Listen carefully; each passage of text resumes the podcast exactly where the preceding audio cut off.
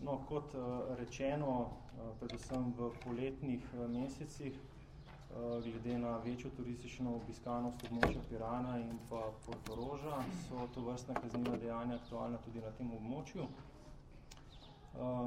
Prevladujejo predvsem dve izvršitveni obliki. Storilci v prvem primeru izvršujejo priložnostne tatvine na javnih mestih, predvsem na plažah, gostinskih lokalih, raznih javnih prireditvah, potem ko so pač žrtve neprevidno odložile svoje stvari in nekako pustile nadzorstvo.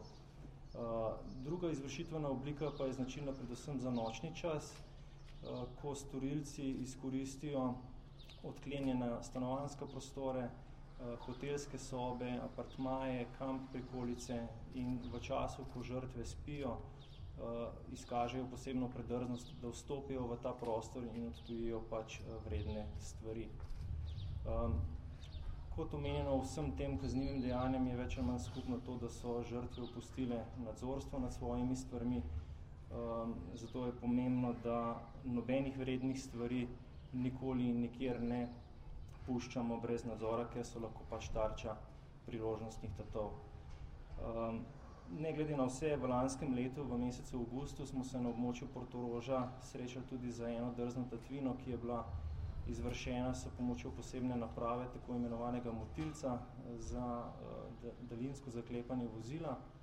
Storilec je v tem primeru opazoval žrtev, ko je parkirala svoje vozilo in z omenjeno napravo onemogočil zaklepanje vozila. Ko se je žrtev oddaljila od vozila, je seveda storilec izkoristil priložnost in iz notranjosti vozila odtujil večjo količino denarja. V tem primeru je sicer storilec bil zaloten na kraju in v nadaljevanju tudi prejet strani policistov. Kljub temu velja omeniti, da struktura samih storilcev je različna.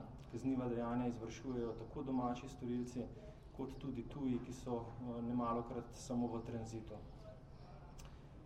Ne glede na vse gre omeniti, da so varnostne razmere ugodne na tem delu, da tovrstna problematika ne izstopa, kljub temu pa se je potrebno zavedati, da priložnosti je veliko, samih idej storilcem kaznivih dejanj ne zmanjka, zato je predvsem od nas samih odvisno in od naših ukrepov, kako bomo tudi poskrbeli za svoje premoženje.